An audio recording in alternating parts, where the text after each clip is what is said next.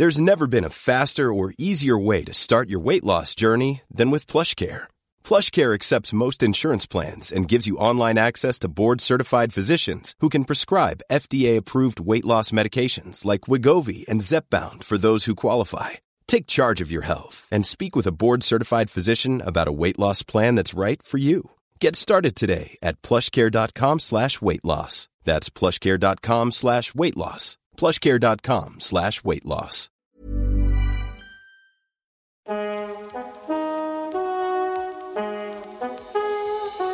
Hallo allemaal, ik ben Van Poorten hier.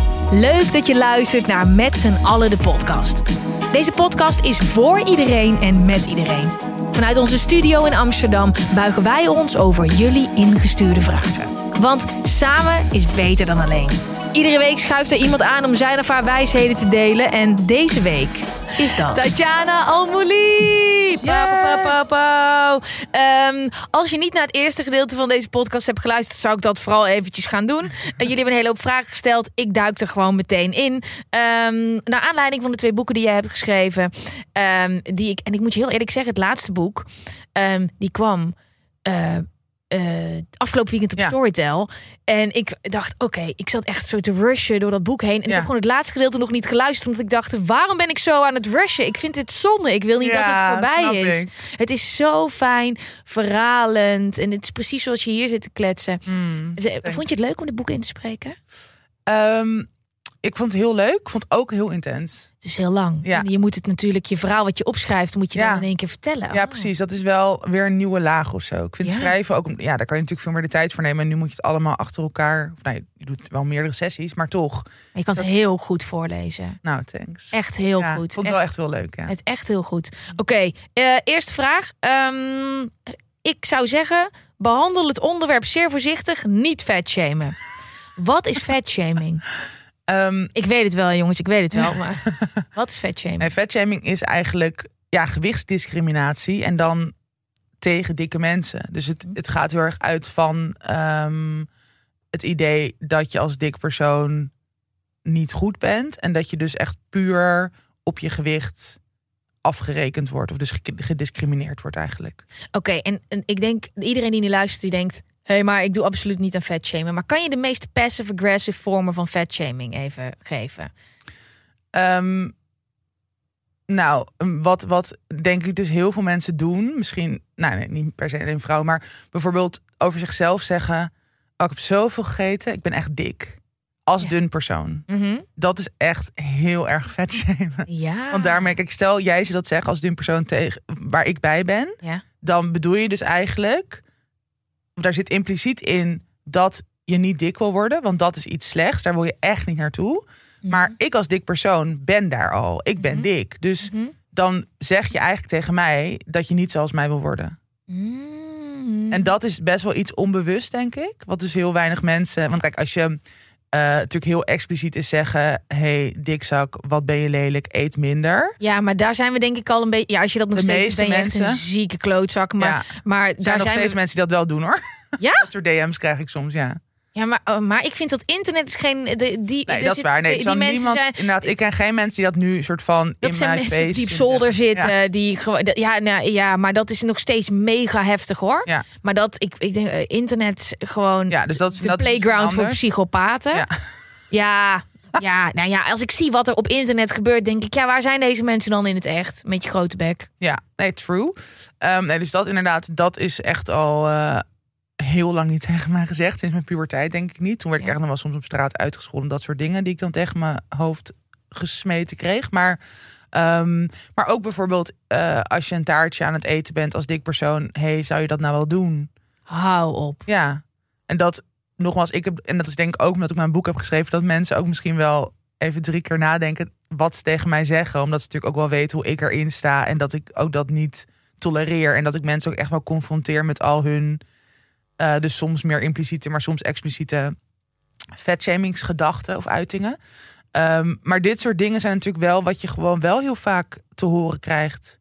Wat, wat nog meer? Want dit zijn allemaal wel dingen waarvan ik denk dat er een belletje bij ons gaat rinkelen. Dat je denkt, oh, dit doe ik wel eens per ongeluk. Of oh, mijn vriendin doet dit altijd. Nou, wat is ook soort geïnternaliseerd, en dat is dan niet vetshaming, maar vetfobia, heet dat dan. Dus dat soort, ja, dat je echt bang bent om dik te worden.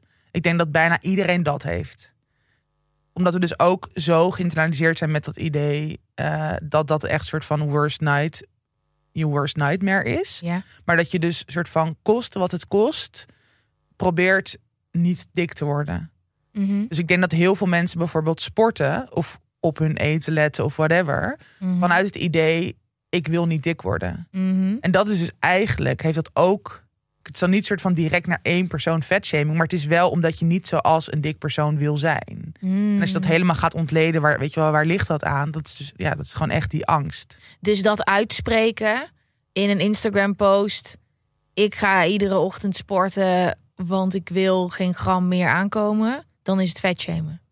Ja, ja, het is dus, kijk, het ligt allemaal in het verlengde van elkaar. Het is, maar het, het is, het komt allemaal voort uit een soort haat tegen dik zijn of tegen dikke mensen. Mhm. Alleen het is natuurlijk allemaal. ehm, want ik denk ook, ja, willen afvallen is op zich niet. Ik, ik ben daar niet soort van tegen. Of dat ik, dat ik ook als mens dat is inderdaad uit. Dat ik denk, ja, oké, als dat als, als jij denkt dat het voor jou goed is. En je doet dat dus op een soort gezonde of duurzame manier. Mhm. Dus niet, weet je wel, vanuit crash diëten. Prima. Mhm.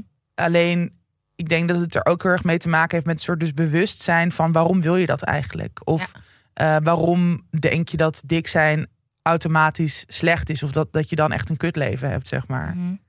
Ehm, en als ik bijvoorbeeld zeg, want dat heb ik wel eens in de podcast gezegd, ik ben echt 10 kilo aangekomen in de coronatijd, Ja. dan is, ben ik ook aan het vetshamen. Nou ja, Maar ik ben daar oké mee. Dat heb ik ook gezegd. Omdat ik vroeger zou ik daarvan in de stress raken. En nu merk ik dat ik gewoon. eh, ik weet niet of nee, maar dat, dat is niet, dat is niet vetshamen. Oké. Nee. nee, want ehm, en, da- en kijk, ik, ik weet ook wel dat sommige mensen zijn er ook wel nog zwart-wit erin. Dat is natuurlijk altijd zo met alle thema's. Ja. Dus ik ken wel, eh, ja, dikke activisten, zeg maar, die dus, die gewoon eigenlijk zouden willen dat het nooit meer zou gaan over afvallen. Of dat je gewoon, dat niemand het meer soort van in eerste instantie erg zou vinden dat diegene 10 kilo is aangekomen. Mhm. Maar ik denk ook van ja, het is gewoon ook zo menselijk, omdat we dus allemaal met die ideeën zijn opgegroeid. Dus dat zit ook gewoon weer heel diep in je. Mhm. En ehm, ik ben daar zelf soms ook nog dat ik daar gewoon een soort van gestrest over kan raken. Als ik dan denk, oh, maar ben ik nu aangekomen? Of oh, ik ga nu drie keer per week uit eten. Wat gaat dat dan doen? En Mhm. ik denk dat het dat dit ook weer allemaal heel erg te maken heeft met soort bewustzijn daarover creëren en het ook allemaal weer openbreken en het met elkaar hierover hebben. Precies, want dat is het dus. Want je, kan hier, dus, je hoeft hier niet krampachtig over te gaan Nee. doen. Je kan het hier, maar eh, het is ook wel zo. Jij kan het hier heel makkelijk over hebben. Maar dat is Ja. natuurlijk niet met iedereen zo. Nee, dat is ook zo. Alleen ik denk, het begint ook heel erg bij, eh, dat is natuurlijk met al dit soort thema's, dat is ook met alle vormen van discriminatie en ook met racisme. Educate yourself. Dus Ja. er is natuurlijk zoveel informatie over deze thema's te vinden.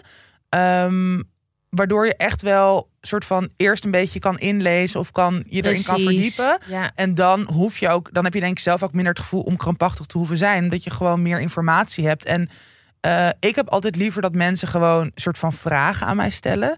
Van hey, hoe is dit voor jou? Of ik heb ook bijvoorbeeld heel erg met het woord dik. Ik noem mezelf gewoon dik. En sommige mensen zien dat echt als een soort belediging. Mhm. Maar ik vind bijvoorbeeld eh, een woord als overgewicht eigenlijk heftiger. Omdat dat heel erg uitgaat van je hebt een gewicht en alles wat daar overheen zit, Ja. dat is dus niet goed. Of dat is dus niet de norm. ja. Terwijl dik is eigenlijk in de basis een veel neutraler woord. Het staat, ja, kijk, er zijn allemaal connotaties aan, aan vast geko- of aangehangen. Maar eigenlijk, net zoals kort en lang, dik en dun, dat zijn neutrale woorden. Als je daar logisch zo over nadenkt, wel. Maar ik kan me voorstellen dat als jij een persoon dik noemt, sommige mensen vinden het overgewicht. is waar. Ja, hè? Ja, Ja. Maar dat is dus weer iets wat je dus eigenlijk dan bij een persoon zou kunnen checken. Ja. En als iemand er niet van gediend is, dan hopelijk zegt hij dat ook wel. Of je merkt het, weet je, als iemand ongemakkelijk wordt, ja, dan is het misschien niet een thema wat nog besproken kan worden. Ik zou vooral eerst even jouw boek luisteren of lezen. Ja, maar, Ja. Dan, ja, maar dan, dan, dan, dan voel je je misschien wat meer thuis in de thematiek. Ja. ja Ehm, Oké, nice. We hebben sh- vetshamen getackled. Ehm, volgende. Mm. Heel blij dat deze binnenkwam. Is het verkeerd als ik kritisch kijk naar mensen met body positivity, maar te ongezond zijn? Ik weet niet of die vraag helemaal klopt, maar je snapt denk ik wel Ja. wat die persoon bedoelt. Ehm, eh, eh, dikke mensen zijn ongezond. Die hebben we net ook denk ik wel getackeld. Dat is gewoon niet waar. Er is ook heel veel onderzoek naar gedaan. Er is heel veel onderzoek naar gedaan. En eh, kijk, ik zeg al dat je kan gewoon niet aan iemand zien of je nou dik of dun is of daartussenin hoe gezond of ongezond diegene is. Maar ook met dunne mensen. Dat, eh, je zal nooit in iemand die drugsverslaafd is, iedere avond in de kroeg staat, Ja. er fantastisch uitziet met een spraytan op en dan is het nou meid, wat zie je er Maar fantastisch je weet niet uit. hoe die organen bijvoorbeeld, hoe, dat, hoe het daar omheen zit. Of Nee. gewoon, ja, je weet, dat, je weet het gewoon niet, punt. Ja. En het is in die zin gewoon heel oneerlijk en frustrerend dat het soort van alleen maar eigenlijk bij dikke mensen om gezondheid gaat. Mhm. Dus dat is één. Ja. En kijk, body positivity is er gekomen al veel. Kijk, het is nu een soort de afgelopen vijf à tien jaar soort natuurlijk meer een hype. Ja. En dat is denk ik alleen maar goed, maar het bestaat echt al heel lang vanuit volgens mij echt zo jaren 60, 70 in Amerika door zwarte dikke vrouwen eh, gestart om een soort van plek voor zichzelf te claimen, om gewoon het gaat puur om bestaansrecht, om er gewoon mogen zijn hoe je eruit, hoe je er ook uitziet. En ehm, dat is gewoon heel belangrijk, want het gaat over een soort basisrespect als mens. Want ik bedoel, in onze grondwet staat: je mag niemand, eh, ja, wat, wat is het precies? Of iedereen moet in vrijheid kunnen leven. Je mag niemand discrimineren op basis van hoe hij eruit ziet of achtergrond of whatever. Gebeurt natuurlijk wel, ook echt bij dikke mensen. Ehm, Maar je bent niet zo van de term body positivity, toch?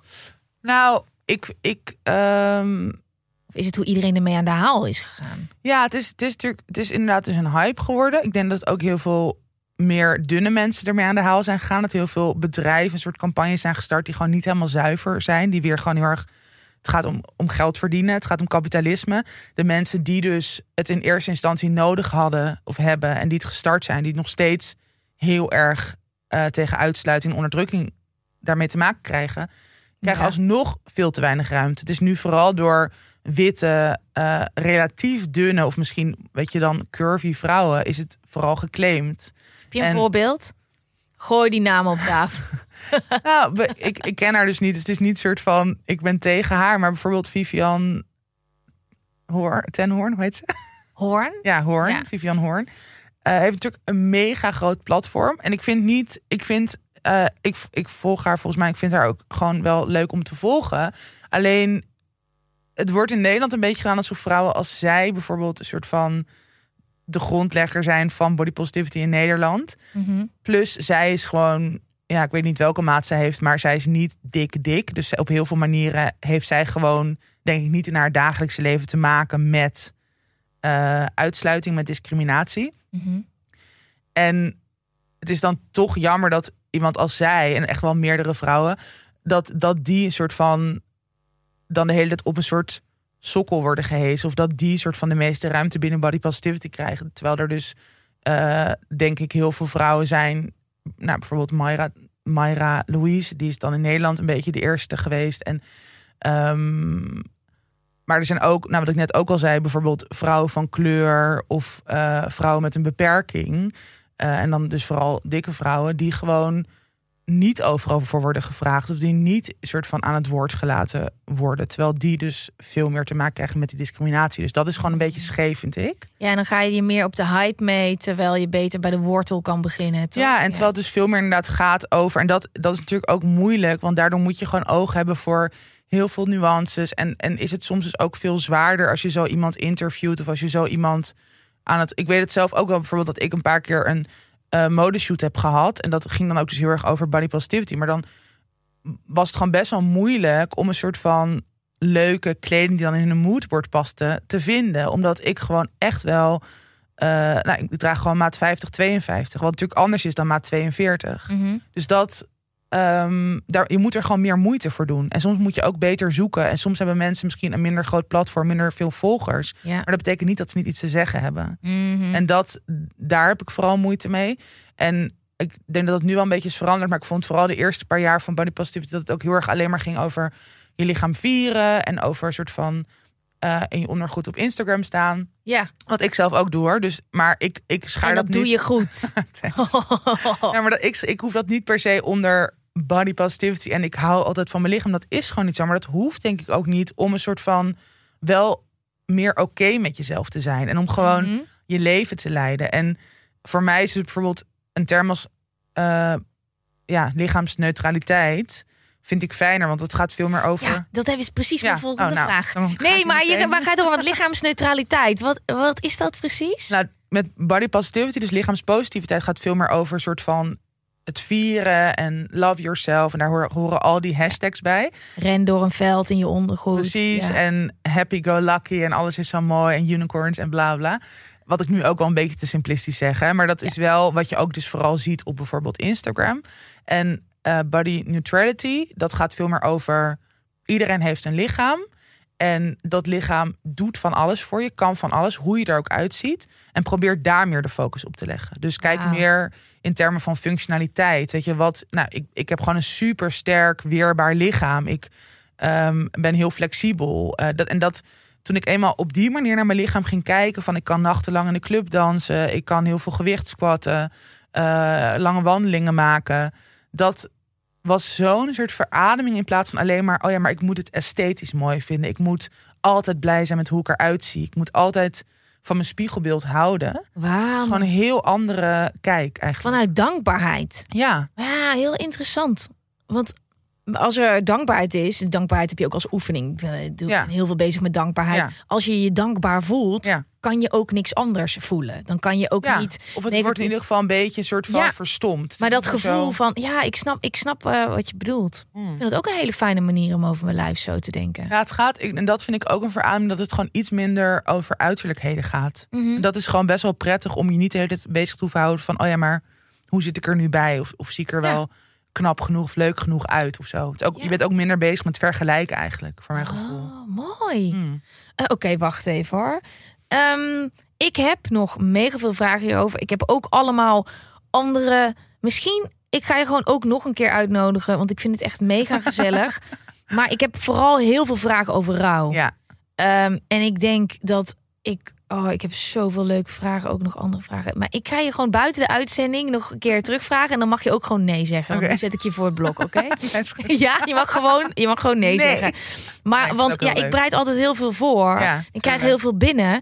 En soms dan zit ik met een gast en dan denk ik na het eerste gedeelte, ik weet niet wat we de andere drie kwartier Nee. gaan doen. En nu zit ik gewoon dat ik denk, nou, dit is gewoon een heel avondvullend programma. Het is heel fijn, echt heel leuk. Nou, Eh, maar ook gewoon thematiek waar. Daar duiken we met de podcast gewoon nooit in. En jij Mhm. kan het allemaal zo goed verwoorden ehm, en uitleggen. Het is, ja, ik vind het heel fijn. nou, we gaan goed. even een switch maken Ja. naar rouw. Want Ja. eh, jij hebt je moeder op best wel jonge leeftijd verloren. Mhm. En je hebt daar een boek over geschreven. Maar het is een fictieve roman, toch? Of is het, het is ehm, gebaseerd op jouw waarheden?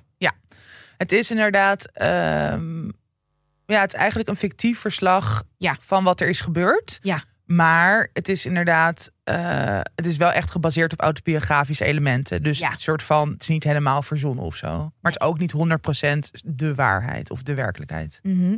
Ehm, hoe oud was je toen je moeder overleed? 16. Dat is echt heel jong, hè? Ja, Ehm, je hebt het heel veel over uitgestelde rouw. Ja. Het woord zegt het eigenlijk al. ja. Maar eh, wat is het precies? Planning for your next trip? Elevate your travel style with Quince. Quince has all the jet setting essentials you'll want for your next getaway, like European linen, premium luggage options, buttery soft Italian leather bags, and so much more. And it's all priced at 50 to 80% less than similar brands. Plus, Quince only works with factories that use safe and ethical manufacturing practices. Pack your bags with high-quality essentials you'll be wearing for vacations to come with Quince. Go to quince.com slash trip for free shipping and 365-day returns. There's never been a faster or easier way to start your weight loss journey than with PlushCare. PlushCare accepts most insurance plans and gives you online access to board-certified physicians who can prescribe FDA-approved weight loss medications like Wigovi and Zepbound for those who qualify. Take charge of your health and speak with a board-certified physician about a weight loss plan that's right for you. Get started today at plushcare.com slash weight loss. That's plushcare.com slash weight loss. plushcare.com slash weight loss. Nou, wat het eh, inhoudt is eigenlijk in principe, ja, dat is dus bij iedereen anders. Maar als er iemand doodgaat, of als je dus soort iemand verliest van dichtbij van verder weg, dan zou je hopelijk in de rouw komen. En dat betekent dat er heel veel soort fases door elkaar heen uh, komen. Of tenminste, vroeger was het idee dat je dan eerst de ontkenning kwam, dan een de woede, dan een soort depressie. Nou, dat is best wel een achterhaald idee. Oh ja? Ja. Het is, oh. ja, dat ik is, heb altijd nog dat dat. Uh, ja, dat, is nog steeds wel. Nou, gelukkig zijn daar dus ook heel veel boeken over verschenen. Dat dat best wel achterhaald is. En dat je dat gewoon, dat het niet zo lineair gaat. Zodat het eigenlijk allemaal door elkaar heen kan gaan. En dat het zich afwisselt. En dat het waarschijnlijk best wel veel periodes van je leven ook opeens weer opgewekt kan worden door andere mhm. gebeurtenis. Ja. Misschien een ander verlies. Maar dat is hoe het idealiter gaat. Dus dat je dan wel soort van meteen of relatief snel na het verlies Ehm, ja, in rouw komt. Ja. En bij mij is dat eigenlijk niet gebeurd. Ehm, of ik ben eigenlijk ja, in een soort ontkenning blijven ehm, haken of, of blijven zitten. Dan niet de ontkenning van, oh, ik geloof niet dat mijn moeder dood is. Maar meer een soort ontkenning van, ik wil het niet aangaan of ik kan het niet aangaan, dus ik duw het maar weg. Ja. En nou, wat we ook, ik, ik had dus toen al een eetstoornis en dat heeft daar ook een hele grote rol in gespeeld. Dat ik eigenlijk Ehm, ik had binge eating disorder, dus dat hield in dat ik heel veel eetbuien had. Mm. Of ik had een soort heel, ja, dat heet dan atypisch anorexia, dat je uh, soort heel restrictief kan zijn. Dus dat je periodes hebt van heel extreem diëten en heel extreem sporten. Mhm. En bij mij heeft dat dus ook wel, omdat ik die eetstoornis al had, heb ik die rouw gewoon daar ook een beetje mee kunnen wegduwen. Dus ik was zo obsessief altijd bezig met eten, niet eten, hoe mijn lichaam eruit zag. Eh, en dus heel veel met sport bezig zijn. Dat ik uh, dat het eigenlijk voor mij een manier was om niet bezig te hoeven zijn met zoiets groots, zoiets heftigs als het verlies van mijn moeder. Mhm. Ik kon dat gewoon toen niet aan, blijkbaar. Wist je dat heel je leven? Nee. Nee? Nee, het was. Nee, dat, dat zijn dus allemaal dingen die heel lang onbewust kunnen gaan. Dus dat hele. Kijk, ik heb, ben nu, uh, nou ja, dus 15 jaar verder bijna. Of nou, 14 jaar verder. Ehm, en ik heb, weet je wel, nu heel veel therapie gehad. Eh, die, ja, ben grotendeels van mijn eetstoornis hersteld. Dus ik heb natuurlijk al die patronen, al die systemen eigenlijk van binnen heel erg onder de loep gelegd. En ben dat helemaal gaan uitpluizen. Dus ik kan dat nu wel zien dat dat zo is gegaan. Mhm. Maar op dat moment was ik gewoon kop in het zand, doorleven. Doen alsof er niks aan de hand was. Um, want ik wilde ook gewoon normaal zijn. Ik wilde, ik was qua dik zijn al niet normaal. En wilde ik niet ook nog degene zijn met een dode moeder die een soort van in die zin buiten uh, de maatschappij stond. Of dus ook buiten mijn vriendengroep. Mm ik was gewoon een 16-jarige en ik wilde gewoon het leven van een 16-jarige leven. En dat kon helemaal niet. Maar ik hield mezelf wel voor dat zolang ik maar gewoon doorging en sterk was en uh, al mijn taakjes uh, uitvoerde. Dus gewoon, weet je wel, naar school gaan, mijn diploma halen, gaan studeren, op mezelf gaan wonen. Zolang dat allemaal lukte, was het niet zo erg of zo. Mhm, ja. En dat is gewoon, dat, dat, dat is onzin. Want het was hartstikke heftig en heel groot. Maar daar, daar, uh, ja, daar ben ik dus echt pas later achter gekomen. Wat was het moment dat je dacht: ik ga hier een boek over schrijven? Sterker nog, ik ga hier een, uh, een project van maken. Dat heb je zelf ook gezegd, dat dit een project was waarmee je eigenlijk het hele rouwproces bij de horens vast ging pakken, toch? Ja. Um, nou, het had ermee te maken dat ik dus met die eetstoornistherapie aan de gang was. Dat ik gewoon, uh, hoe minder eetbij ik bijvoorbeeld kreeg, hoe meer ik eigenlijk begon te voelen. Want ik was dus niet aan het dempen, niet aan het verdoven. En ik voelde eigenlijk heel veel verdriet, heel veel zwaarte. Um, ik was heel vaak heel erg onrustig. Dat ik in mijn lichaam van alles voelde. Wat ja, gewoon alsof er een soort van steen van binnen zat. Dus gewoon heel erg soort hard en zwaar. En um, ik, ik merkte ook, ik kon eigenlijk niet over mijn moeder praten. Dus als het in gesprekken over haar ging, als ik ging dat er zelf erg uit de weg. Maar ja, sommige mensen vroegen natuurlijk heus wel eens van, uh, ben je met je moeder bezig of mis je er?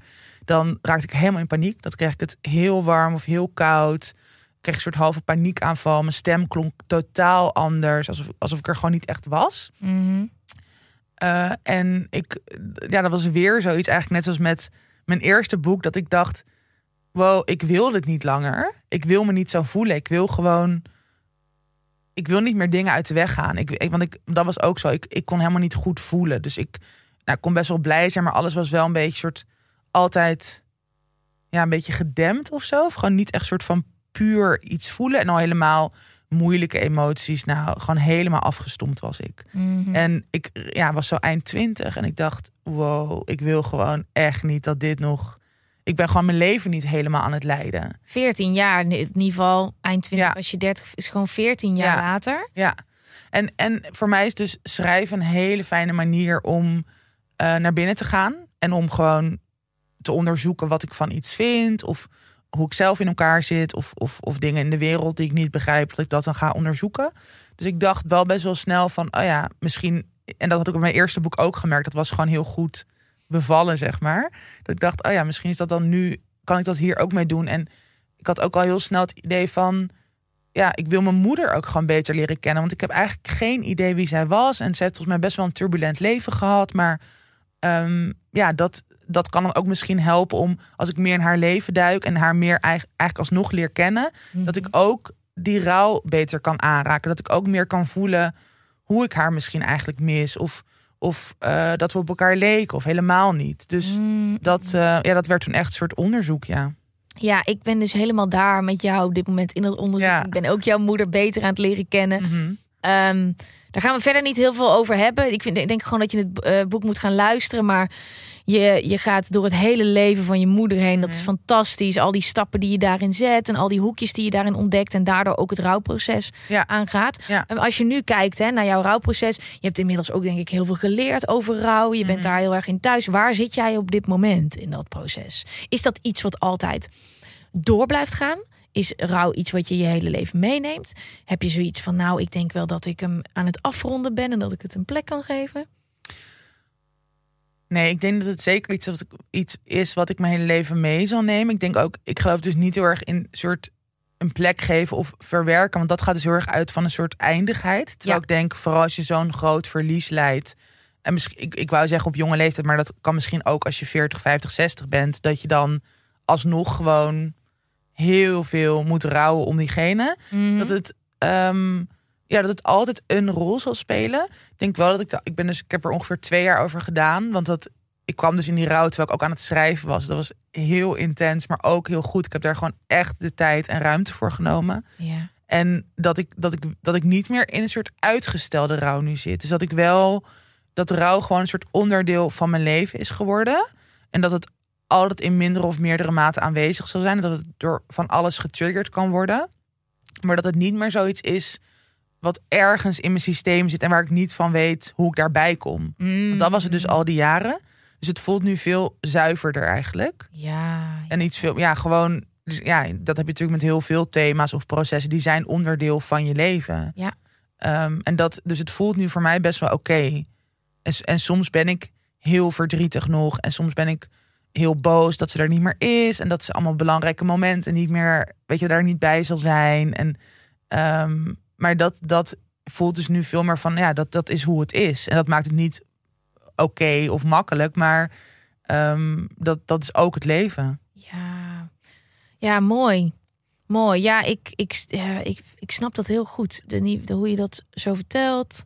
En ja, ik ben echt helemaal met je op dit moment Mm. op reis. En het lijkt me heel waardevol dat je het leven van je moeder zo hebt kunnen volgen. En dat je Ja. onderzoek uit kon gaan. En dat je dat ver- vervolgens zo mooi kan bundelen. Ja, En die foto is gewoon echt van je moeder met, ja, met jou ja op de dat is de omslag. Ja. Oh my god. Wat een foto. Ja, Wauw, echt. Ja. ja. niet normaal. Echt niet. Daarom dacht ik, kijk, dit kan niet echt. Dit kunnen, kunnen jullie niet echt zijn. Nee, ja, wel. Wauw. Ehm, ik heb een hele hoop vragen binnengekregen. Zullen wij daar gewoon lekker doorheen Ja. gaan knallen? Eh, voor iedereen eh, die nu niet zijn of haar vraag voorbij hoort komen. We gaan dit thema vaker aansnijden, want jullie hebben hier heel veel behoefte aan. Is ook eigenlijk heel normaal, want we dealen er allemaal vroeg of laat mee. Sommige mensen eh, veel meer op jonge leeftijd, andere mensen pas later. Ehm, maar het, is onderdeel van het leven. Ja. Ehm, dus we gaan het hier vaak over hebben en dit is de start. Ehm, mm, mm, mm. Eerste vraag. Hoe rouw je? Ja, dat is eh, meteen een hele moeilijke vraag. Want er is, denk ik, echt geen handleiding voor of een soort stappenplan. Dat is dus juist wat ik denk dat dat heel achterhaald is. Dat je, als je maar dit volgt, dan kom je sowieso daar. Of dan kom je, weet je wel. Maar het gaat, het gaat voor, voor mij vooral over zelf de ruimte ervoor nemen. En echt durven naar binnen gaan. En ja, wat je daarvoor nodig hebt, is natuurlijk bij iedereen anders. voor mij hielp het dus om daarover te schrijven. Ehm, maar ook om heel veel te lopen in de natuur. Omdat ik, ik merkte gewoon als ik soort van aan het wandelen was. En dan dus ook niet met muziek op of met een podcast. Maar gewoon echt soort van in stilte. En dan kwam er bij mij van alles los. Mhm. Maar bij sommige mensen helpt inderdaad. Want dat, dat, ja, dat voelde voor mij bijna een soort van loopmeditatie. Maar bij sommigen helpt het misschien om inderdaad te gaan yoga of op een matje te gaan zitten en of op een kussentje te gaan zitten Ja. en zo te mediteren. Ehm, maar ja, en, en wat bij mij ook wel heel erg hielp was, nou, ik ging dus dat boek schrijven, maar ik vond dan bijvoorbeeld ook allemaal oude dagboeken van mijn moeder. Ehm, maar ik ging ook heel veel de muziek luisteren die me aan haar deed denken. Dus dat je ook in die zin het een beetje oproept of zo. Mhm. Ja. Want ik ging dat dus jarenlang uit de weg, omdat ik wist, oké, als ik dat nummer ga luisteren, dan word ik gewoon mega verdrietig. En daar heb ik geen zin in of geen tijd voor. Maar je denkt ook, verdriet is niet goed. Precies. Dus waarom zou ik gaan zitten huilen en janken? Ja. Terwijl dat is dan juist het proces aangaan. Ja, en dat is dus natuurlijk heel moeilijk in onze samenleving. Dat, dat je dus ehm, voor dit soort complexe processen is gewoon heel weinig ruimte. Want het gaat bijna altijd over presteren en over groei en over doorgaan en over ehm, dingen bereiken. En rouw is bij uitstek stilstaan en naar binnen gaan. Mhm. Maar daar, ja, voor jezelf is dat, ik geloof, ik ben daar nu helemaal doorheen gegaan de afgelopen jaar. Dus ik geloof dat dat heel erg goed is voor je. En dat je daar, nou, in die zin jezelf beter leert kennen. En dus niet moeilijke dingen uit de weg gaat. En dus beter kan accepteren dat pijn ook deel is van het leven. En dat daar ook soort schoonheid in zit. Mhm. Maar op papier bereik je daar natuurlijk niks mee. Dus het wordt ook helemaal niet gestimuleerd om zo'n proces aan te gaan. Dat ik dus denk dat het wel voor jezelf, voor je eigen ontwikkeling, voor je eigen gezondheid in die zin, ook Ja. voor je welzijn, Mm. hartstikke belangrijk is. Ja. Maar je moet er dus ook echt tijd en ruimte voor vrijmaken om, om te ervaren hoe rouw ik. Want dat het is dus niet hoe rouw je. Ja, I don't know hoe jij zou rouwen. Mhm. Ik weet het nu wel meer voor mezelf. Maar het blijft, ja, je moet dat zelf gaan uitvinden. En nou, nogmaals, er zijn dus wel wat, denk ik, tools die echt wel kunnen helpen.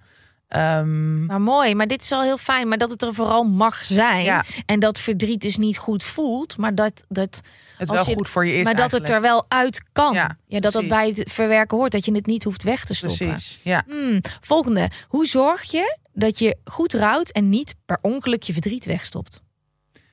Ja, ik denk dat het eigenlijk dus hier ook op neerkomt. Ja, gewoon het aangaan. En juist als het dan moeilijk wordt, er misschien induiken. Ja, en ook, kijk, je kan natuurlijk, ik denk dat het ook heel erg belangrijk is om proberen het echt te delen met mensen. Want dat ben ik ook heel erg lang uit de weg gegaan. Dat ik allemaal dacht, ik moet alles zelf kunnen doen. En ik, nou, heel erg vanuit dat ik moet sterk zijn, ik moet allemaal zelf kunnen dragen. Kijk, je moet het ook zelf doen. Ja. Maar je kan daar wel hulp bij vragen. Er kunnen wel mensen als soort omhulling om jou heen staan. Ja. Ehm, ik haal ook altijd heel veel troost vanuit soort herkenning als ik hier boeken over lees of podcasts over luister. Bijvoorbeeld de dingen die je vergeet van Gijs van der Sande vind ik echt een super goed boek. Tip. Ehm, tip, tip, tip. En van Megan Devine, It's Okay That You're Not Okay. Dat gaat dus ook heel erg over pijn mogen toelaten en ervaren. eh, ook in een samenleving die zegt dat er eigenlijk geen ruimte voor is. Mhm. En van Gijs van der Sande is dus, is, ja, hij vertelt zijn ervaring van rouw, maar dat ook heel veel experts aan het woord. En ehm, dan, door dat boek leerde ik eigenlijk van, oh ja, maar inderdaad, voor iedereen is het anders. Maar er zijn ook wel een soort gemene delers die waarschijnlijk bij iedereen terugkomen. Dus die herkenning is dan weer heel fijn. Ja. Ehm, dus ga daar ook naar op zoek, naar soort van ervaringen van anderen. En ik denk dat dat heel troostend kan zijn. En dat je dat ook meer laat nadenken van, oh ja, maar hoe is dit voor mij? En hoe ga ik inderdaad dingen niet uit de weg? Mm, nice. Een hele mooie ook. Rouw ik wel goed als ik mijn vader niet elke dag mis? Ja, Och, die, pa- maar die, Ja. ja hè? ja, Ja, die, die raakte echt een, een snaar. Ehm, alsof daar regels voor zijn en alsof je je vader iedere dag zou moeten missen. Maar inderdaad, er wordt je nergens gezegd. Nee. dit is, dit is ook even. Ja, en dat vind ik dus ook heel heftig, omdat ik ook. Kijk, rouw is voor mij ook om soms wel helemaal naar de tering te gaan in een club. Weet je, om gewoon de hele nacht te dansen en te drinken en gewoon ook soort van het leven te vieren en gewoon mijn eigen geluk te ervaren. Mhm. Maar ja, dan kan het ook zo zijn dat ik drie dagen later inderdaad heel verdrietig ben, niemand wil zien en gewoon ontzettend in dat missen zit. Maar al die verschillende dingen, dat is allemaal rouw, denk ik. En ik hoop dus inderdaad dat we nu naar een soort tijd toe gaan waar dat allemaal genormaliseerder is. En dat je ook dus niet. Ehm, nou, bijvoorbeeld, ik zag ook, op, dat heb je misschien ook wel gezien, eh Sanne ten Wolde, de zus van Ruud. Mhm. Die kreeg dus, die is nu dan op vakantie of op reis met het soort geld dat hij heeft nagelaten voor haar en haar zus. Echt heel Oh. mooi, heel ontroerend. En toen hadden collega's van haar echt zo'n bericht gestuurd van, of die waren een soort van daarover aan het praten van, ja, maar ze is alleen maar op, tele, op tv, ze doet alleen maar leuke dingen. maar hoe, hoe weet neem je, je het- er- hoe ja. is dit ber- bericht dan er gekomen? Ja, eh, dat had volgens mij weer een andere collega dan naar haar In gestuurd. een groeps... Oh, dus ze heeft het wel zelf gekregen? Ja, Of in een groepsapp of zo? Ja, zoiets. Ja. Ik weet niet, maar ze hadden er echt iets over gedeeld op Twitter, ook met zo'n berichtje erbij. En ik vond het zo heftig, want het gaat eigenlijk ook hier over dat je een soort van regels hebt van oké, als je dit en dit en dit doet, als je wekenlang in je bed alleen maar aan het huilen bent, dan ben je goed aan het rouwen. Maar als je een soort van eh, eh, tijd voor jezelf neemt in een mooi land. En waarschijnlijk is ze daar ook heel aan het huilen. Maar dat je weet het niet. En het is niet soort van dat jij mag zeggen wat wel rouw is en wat geen rouw of wat niet rouw is. En het, eh, in het geval van Ruud, Ruud heeft een heel mooi boek geschreven. Ja. En in, in, het is een eerbetoon aan Ruud dat zij overal aan tafel zaten om te hebben over Precies. zijn boek en zijn verhaal. ja. Maar sowieso iemand anders. ehm, ik, ik hoop dat dat ooit. We, we zijn als wereld wel aan het leren, maar andermans gevoelens, ja, rouw, veroordelen, terwijl jij niet in iemand anders hoofd kan stappen. precies. Dat- oh ja, ik word daar wel een beetje boos Ik word daar ook heel boos van. Ja. Ook omdat heel veel van die mensen die dit soort dingen zeggen, gewoon geen idee hebben wat er in iemand omgaat. En waarschijnlijk zelf dit nog nooit hebben meegemaakt. Want anders kan je dat bijna niet zeggen. Heeft ze dit gedeeld? Ja, dat is op Twitter gedeeld, ja. Fucking nice. Ja, heel goed, heel goed. Maar ook om dus weer een soort van dit ook open te breken van... Dit is dus hoe mensen denken. En, en dat slaat ook op dit bericht. Want door dit soort reacties gaat iemand waarschijnlijk twijfelen van... als ik mijn vader niet elke dag mis, rouw ik dan wel goed? Ja. Maar wat je ook ziet, wat zie je nou eenmaal van iemand anders leven? Ja, Eh, ik probeer media, ja. ja, zo open mogelijk in de podcast te zijn. En ik probeer ook eerlijk te zeggen van... nou jongens, vorig seizoen toen ik daar zat... toen voelde ik me eigenlijk helemaal niet zo Ja. lekker. Of eh, dan probeer ik dat wel zonder dat ik hier als eh, een depressieve podcast host ga zitten.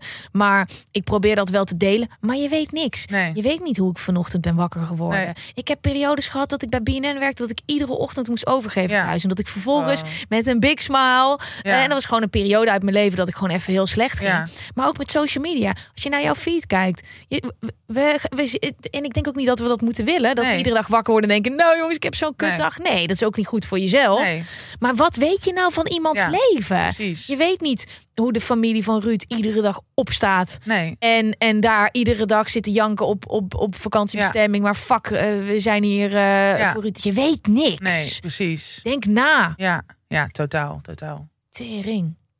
Ik denk dat ik, dat ik ze uit moet nodigen in de podcast. Heb ik al heel lang aan gedacht. Want Ja, ik eh, eh, had Ruud uitgenodigd via eh, management eigenlijk. En Mhm. toen hoorde ik dat het niet zo goed ging. ja, Ehm, en ik dacht, dacht daar toevallig. Ik, ik dacht vorige week toen ik zat te mediteren. Toen in één Ja. keer daarna dacht ik. oh, dat moet je echt doen. Ja, hè? Ook, ja, ook inderdaad, omdat je zoveel vragen ook over dus zijn zij denk ik ook heel erg Ja. mooi om ook hun ervaring te vertellen. En ze zijn nu op reis. Nou, volgens mij is San alleen. Oké. Ja. Oh, en dan als, terugkomt. Ja. Oké. Nice. Ehm, nice is mijn stopwoordje. Dit is mijn, ik had eerst 100%.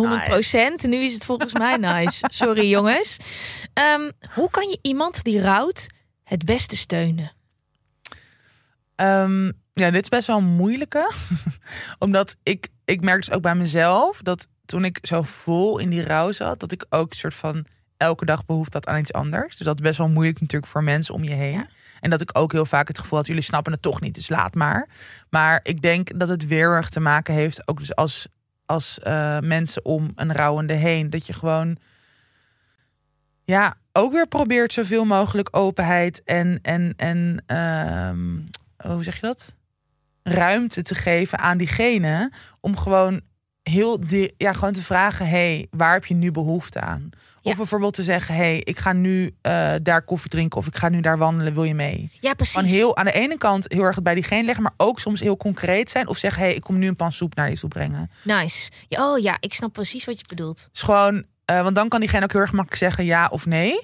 En dan hoef je niet, want ik vond het soms ook heel erg lastig dat dus zo van, hoe gaat het met je? Ja, eh, Ja. hoe gaat het met me? Ja, eh, best kut, maar ook alles door elkaar heen. En dat is gewoon dan eh, een soort van te open vraag of zo. Ja, en direct is fijn, daar kan je wat mee. Ja. Maar aan de andere kant ook, wat zou je willen? Ja. Openlaten en Ja. ook concreet iemand, huppakee, gas erop, stap in de auto, we rijden naar het strand. Precies, dat. En ik denk dat, eh, maar dat is dus ook waarschijnlijk bij iedereen anders. Maar ik, ik vond het ook gewoon heel, ik had zo erg behoefte, dat zit ook wel heel erg in mijn boek, eh, om een soort van de hele tijd op iemands schoot te liggen. Of gewoon heel erg een soort aanraking. Mhm. Dat is ook, denk ik, voor Ja. de meeste mensen echt heel fijn. Dat je gewoon heel veel iemand knuffelt en gewoon, of zegt van hé, hey, eh, we gaan nu gewoon een avond samen op de bank zitten en domme film kijken. En eh, val maar gewoon half op bij in slaap of zo. Weet je, gewoon dat je een soort van echt die nabijheid voelt. Ja, Dat is denk ik heel belangrijk. het is zo gek hè, dit, bij dit thema. Dat, misschien luister je nu naar jou en dan denk je, oh ja, dan eh, ja, mensen die rouwen, dat fijn dat je op elkaar schoot ligt. Dan denk je, ja, ver van mijn bedshow. Maar wij krijgen allemaal, Ja. dat is het angstaanjagende. Ja. Dit is allemaal laat, onderdeel van ons leven. En het voelt nu misschien ehm, heel dichtbij, omdat je midden in een rouwproces zit, of heel ver weg, omdat je nog niet eens je opa en oma eh, bent verloren. Maar dit is iets van, van ons allemaal. En dat is misschien ook het hele moeilijke eraan. Dat ook hierover praten of andere mensen helpen die rouwen. Mhm. Jou ook meer bewust maakt van dat we, er, Ja. dat we uit... Oh ja, dit vind ik altijd zo moeilijk. Maar ook mooi ergens. Maar over honderd jaar is iedereen die dan nu leeft. Ja, leeft, is er niet meer. is er niet meer. Nee. Een aantal lucky ones die vandaag geboren worden. Ja. Ehm, ehm, en dat is, ik vond dat heel lang heel beangstigend. Maar aan de andere kant zorgt het voor mij er ook voor dat ik als ik opsta iedere dag. En, en dit is echt met tijden. Dat heb ik eigenlijk van Casper. Casper is iemand, is biohacker. Die heeft in Oh een ja. podcast gezeten. En die, die zei dit van ja, ik vind de dood mooi. Want iedere ochtend als ik opsta, denk ik, bam, ik ben er ooit niet meer. gewoon- Waarom zou ik shit doen die eh, me niks brengt? Of waar ik niet vrolijk van word? Of niet vandaag voor mijn gezin kiezen? En dan kan je hem ombuigen zonder dat je dan denkt, oh, niet aan denken. ja, precies. Ja, mooi. Ja, Maar het is zo gek dat, dat iets wat dan op dit moment voelt het heel ver weg voor mij wat je zegt. En tegelijkertijd denk ik dan als ik jou dan in mijn hoofd op iemands schoot zie liggen. Van, oh, dat dat, ja. dat, dat allemaal op ons wacht. Ja. Is, zo, is zo eng. Ja voor, ja, voor mij is het dus echt niet eng, omdat ik gewoon zo vroeger mee geconfronteerd ben. Dus voor mij is het gewoon eigenlijk, ook al ben ik het heel erg uit de weg gegaan, maar nu denk ik ook, ja, ik ben ook zelf niet echt bang voor de dood. Ik bedoel, Nee, ik ook niet. lijkt me, ja, maar, maar inderdaad, ik denk, ik denk dat het dus heel erg belangrijk is om het dus ook echt, want jij zegt het van, en dat ben ik dus mee eens. Het is een deel van ons leven, want we krijgen allemaal mee te maken. Maar dit is weer iets wat we gewoon als maatschappij, of dus ook in onze levens, heel lang heel erg uit de weg zijn gegaan. Want ook als ik bijvoorbeeld denk aan eh, mijn jaren rond mijn 16, dan ben ik best wel ook wel eens op zoek gegaan naar bijvoorbeeld boeken hierover. Nou, die waren er gewoon niet. Ja. Weet je, alleen maar voor jonge kinderen of voor mensen die hun partner verloren. Maar bijvoorbeeld niet over gewoon als een beetje ouder kind of als jongeren of adolescenten die hun ouders verloren. En dat is zo tekenend van hoe we dit allemaal heel lang uit de weg zijn proberen te gaan. En ik hoop gewoon, ik denk dus dat het ook weer hoe meer je het hierover hebt en hoe meer je er ook ruimte voor maakt, hoe minder eng het ook wordt. Want Ja. het, is dan, het is dus dan ook echt deel van het leven. Ja. En we gaan er allemaal, we hebben het er allemaal meer Maar over. dat is het denk ik ook. Ja, als je meer erover praat en, en ook ziet, jij hebt je moeder verloren. Je zit hier, je floreert, je dealt met dat proces. Dat je denkt, oké, geef mij ook kracht. Mhm. Dan ik weet dat ik dat dan ook ooit een keer kan. Ja. Terwijl als je nooit iemand daarover hoort praten. Precies, dan Ik- blijft het gewoon allemaal heel erg soort... Ja. Ja, als zwaard van Damocles boven je hoofd zweeft van... oh, dat, ik kan dat gewoon niet aan. Terwijl Ja. ja. mensen zijn natuurlijk fucking weerbaar. Eh, je kan het wel aan, het kan je overstromen. Maar ja, de meeste mensen komen daar ook weer uit. You got this. Er zijn mijn, mensen die het hebben meegemaakt en mensen die daar ook tools voor hebben die je kunnen helpen. Ja. over praten. Oké, Ja. nice. Hmm. Nee, Ja. niet nice. Ik heb het nu alweer drie 100%. keer gezegd in de tussentijd. Fuck. Wat is er gebeurd met mij dat ik de hele tijd nice zeg? Ehm, volgende vraag. Ehm, waarom lijkt het eerste jaar dat een van je ouders overlijdt alsof je niks meekrijgt van dat jaar? Had jij dat ook? Nee, ik had dat... Nou, jawel, ik had het in die zin dat als ik er nu naar terug, aan terugdenk... dan weet ik gewoon bijna niks meer van het jaar. Dus dan, en kijk, voor mij is het nu best wel een tijd geleden. Dus dat is ook weer. eh, ik weet gewoon niet meer precies hoe ik me voelde toen. Maar ik denk dat dat. ja, dus heel normaal. Ik vind het altijd moeilijk om te zeggen Ja. normaal. Maar ik denk dat dat voor heel veel mensen geldt. Dat je gewoon er niet helemaal bij bent. Gewoon een warrig hoofd. Ofwel in een soort verdoofde staat, afgestompte staat. Of Ja. gewoon heel intens alles voelen. En ik, ja, dit is dus weer, ja, probeer het maar toe te laten. En op een dag zal het anders voelen. Mm, het is een beschermingsmechanisme misschien. Ja, dat ook denk ik inderdaad. Mm. Ja, want, je, want je, moet, je moet zelf verder leven. Maar het is zo'n klap natuurlijk vaak. Dat je ook inderdaad je systeem. Het is ergens natuurlijk ook mooi. Dat het een soort van. Je systeem kijkt ook ergens misschien zelf wat je op dat moment aan kan. En hoe je, hoe je dus verder kunt leven. Dus probeer het ook misschien een beetje zo te zien van. eh, dit is een overlevingsmechanisme. En op een gegeven moment zal je dat waarschijnlijk minder nodig hebben. Mm. Een ander woord dan nice. nee, mooi. Mooi Hmm. gezegd. Ehm, voor iedereen die een vraag heeft ingestuurd, alle kwetsbare verhalen die ik voorbij heb zien komen, onwijs bedankt. Ik beloof dat we hier meer aandacht gaan besteden, aan gaan besteden. Maar dit was denk ik het allermooiste begin dat we ons hadden kunnen wensen. Nou, fijn. Mooi. Zeg ik over mijn eigen podcast. Heel wat. Maar dat heb ik vooral over jouw woorden. Ehm, we gaan nog even één vraag doen. Oké. Want even, even shake it off. Oh, Ik had een hele leuke vraag binnengekregen. hey, ik ben een gast. Ik benieuwd, ben benieuwd hoe jullie vijf jaar geleden anders in jullie leven stonden in vergelijking met vandaag. Wat is er veranderd? oh. Ah, eh, ten eerste, dankjewel voor deze vraag. Ja, Ehm, hele mooie vraag. vijf jaar geleden, wat was er anders? Noem één ding wat echt allesomvattend Mm. anders was. Ehm, Ik zou ook wel kunnen beginnen hoor. ja, begin jij maar. Alsof ik weet wat ik Ja. moet zeggen. Nou, ehm, ik denk me, eh, ik ben veel veiliger in mezelf. Hmm. Ik merk dat ik, eh, ik drink nu inmiddels al in september, is het drie jaar niet meer. Ik merk dat ik, eh, mijn vriend was er laatst een tijdje niet, dat ik ook s'avonds niet meer, dat ik goed slaap alleen, Mhm. dat ik niet meer wil vluchten of bang ben in, Ja. in, in en terwijl eigenlijk gewoon in het eigen huis dat ik misschien herken je dat wel als er dan in één keer niemand is. Ja. Ik ben ik kan heel goed alleen zijn, maar in je eigen huis Ja, dat gevoel en merkte ik dat, ja. ja, Ja. merkte ik dat ik ben, ehm, ik voel me heel veilig Hmm. in mezelf, waardoor ik dus ook minder destructief eh, gedrag heb. Ehm, en dat zorgt voor heel veel rust. Ja, dit is, ja, ik heb deze vraag al gelezen, hè, dus ik, het is niet zo dat knik ik, no. Nou, het precies hetzelfde. Ehm, nee, maar, maar ik denk dat dat, en dat is toevallig iets waar ik nu veel mee bezig ben, dat ik denk, wow. Soms Ja. heb je dat van die Ja. momenten in je leven dat je denkt, oh, vroeger Ja. was het gewoon, ik kom thuis, yes, fucking eh, fles champagne open en we gaan naar de stad toe en ik kom pas twee dagen later thuis, Rah, want vieren, dit is toch vieren, daarna fucking depressief zijn Ja, en niet meer weten waar je bent. Ehm, dat, dat, dat het echt een stukje. Oh, alsof ik ben. Nou ja, ik zeg heel vaak dat ik best vriendje met mezelf ben geworden. Ja. Dat, is echt een. eh, Ja. fijne, fijne eh, ontwikkeling. ja, wat fijn, wat mooi.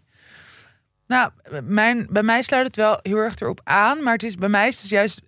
eh, als ik vijf jaar geleden kijk, was ik dus nog heel erg soort... Heel erg in een soort onrust. Mhm. Dus dat ik, en, maar dat ik niet precies wist waar het vandaan kwam.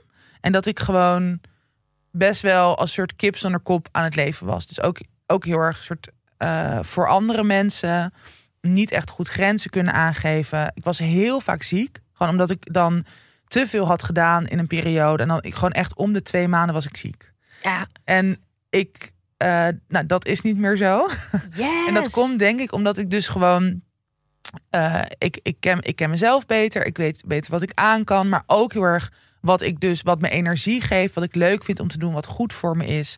En dat, dat doe ik gewoon veel meer. Dat volg ik gewoon veel meer. Dus, Mm. eh, en dat, dat gaat echt van alles. Ook dus wel alle kanten op. Maar het gaat heel erg over genoeg bewegen, genoeg buiten zijn. Nou, ik heb dan deze winter een soort winterzwem-obsessie ontwikkeld. Nou, niet obsessie, maar Oh, het is zo leuk. ja, het is. Ja, ik leef zo door jouw social media. Ik ben er niet bij, hè, jongens. Ik ben er niet bij. maar het ziet er zo leuk uit. Ja, Ja, het is, maar het is, het is heerlijk. En dat doe ik gewoon zo puur voor mezelf. En dan, maar dus ook niet, want ik zei obsessie, maar het is meer gewoon, ik weet dat het lekker voor me is, dus ik doe dat. En ook, ehm, maar het is ook bij mij heel erg juist een soort meer lichte kant. Ik had vijf jaar geleden voelde ik me veel vaker heel zwaar en zwaarmoedig. En eh, ehm, ja, durfde ik gewoon veel minder of zo. Omdat ik dus ook heel erg bewust was van mijn lichaam. Of dat ik me schaamde voor dik zijn. Of dat ik dus, nou, dus ook die hele rouw nog niet was aangegaan. En dat heb ik nu allemaal wel gedaan. En Mhm. dat heeft me gewoon heel erg bevrijd of zo. En ook, nou, ik heb dus nu ook ergens dat ik dus een soort halve tweede puberteit aan het doorleven. Ik ben dus ook best wel veel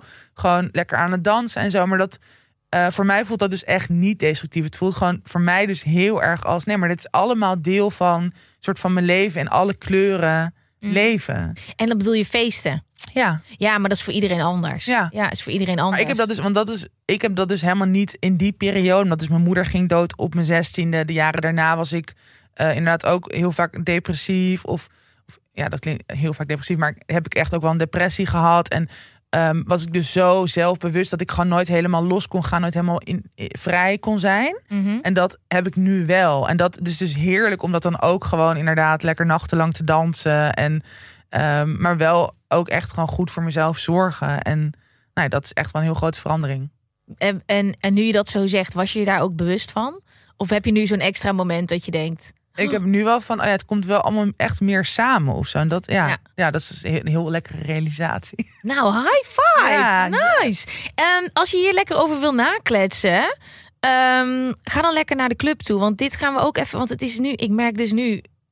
Van dat ik in één keer zo'n besefmoment heb. Ja. En ik zit hier met jou te kletsen. En denk ik, oh, dit moeten we eigenlijk allemaal even Ja, doen. inderdaad. Want je hebt het er vaak niet door. Nee. Mhm. Je groeit gewoon als mens. Als je nu denkt, oh my god, ik wil vijf jaar verder zijn. Calm the fuck down. Het komt allemaal vanzelf. Ja, Het is niet zo dat je nu meteen een traject in hoeft. Nee, Maar dit is, het is leuk om ouder te worden. zeker. En het is leuk om eh, een soort van meer te landen in je leven en zo. Ja, totaal. Bedankt voor die leuke vraag. Heel Echt leuk. eh, leuk. Ik Echt nice. hey Tatjana, ik vond het zo leuk dat je er was. ja, ik ook. Ehm, Bedankt. Ik hoop dat je nog een keertje terug wil komen. Ehm, eh, maar ja, ik vond het heerlijk om zo met jou eh, in de thematiek rondom jouw boeken Ja. te duiken. Ehm, waar ben je nu nog meer mee bezig? Komt een nieuw boek? Het is een stomme vraag altijd. Want Ja. jij bent al met superveel dingen bezig. Want je hebt ook een podcast. En Ja. het is een hele dikke tip. Wacht even, ik wil hem helemaal goed zeggen. Want dit is echt een... Oh, Nou, wat tussen leuk. 30 en doodgaan de Ja, met podcast. Malou Holshuizen. Ehm, Heerlijk. Ja, heel met fijn. Ja. Jullie zijn echt zo op elkaar ingespeeld. Dit, en heel grappig. Ja, wat Ehm, fijn. Ja. Als je dit leuk vindt, dan vind je die podcast ook leuk. Ja, dus ga lekker luisteren allemaal. Nee, die podcast. ehm, ik ga even geen nieuw boek schrijven. Want dat, nou, gewoon even, even geen zin in. Ja. Maar ik ben wel bezig met, eh, echt heel erg voorstadium, maar ik kan dat wel alvast zeggen, met het ontwikkelen van een televisieserie. Oh, Ik hoop ik ga dat door en dat ga ik dan ook deels zelf schrijven. fuck. Ja, dus dat zou echt fantastisch zijn als dat doorgaat. Dus ik hoop heel erg dat dat mijn grote project is komende jaar. Ehm, nou ja, en al, ja, altijd dingen daarnaast. Ik schrijf ook gewoon best wel veel artikelen en interviews. eh, en dat blijf ik zeker doen. En just living life. Ja, zoals Courtney. Kardashian. Ja, I'm just here to live life. what an icon. Ja, dankjewel dat je er was. Ik heb echt een energieboost ervan gekregen. Ja. Ehm, we gaan je zien en horen en spreken. Yes. Ik druk op de knop, maar de iPad is uitgevallen. Dus... Oh, jammer. Na, na, na.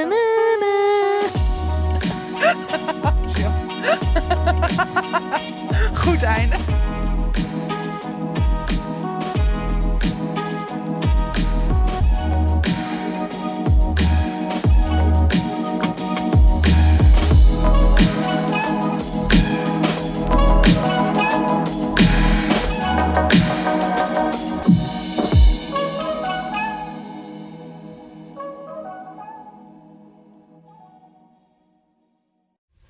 Vind jij dat jouw merk het verdient om in het volgende rijtje Tony Media adverteerders te staan?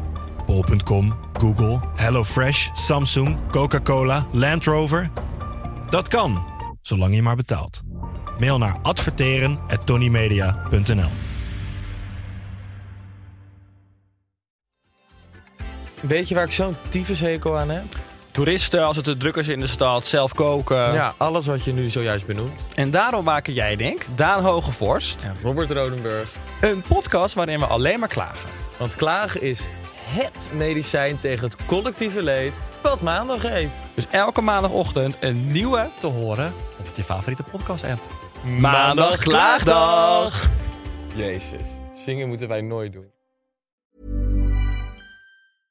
Normally, being a little extra might be a bit much, but not when it comes to healthcare. That's why United Healthcare's Health Protector Guard fixed indemnity insurance plans, underwritten by Golden Rule Insurance Company, supplement your primary plan so you manage out of pocket costs. Learn more at uh1.com.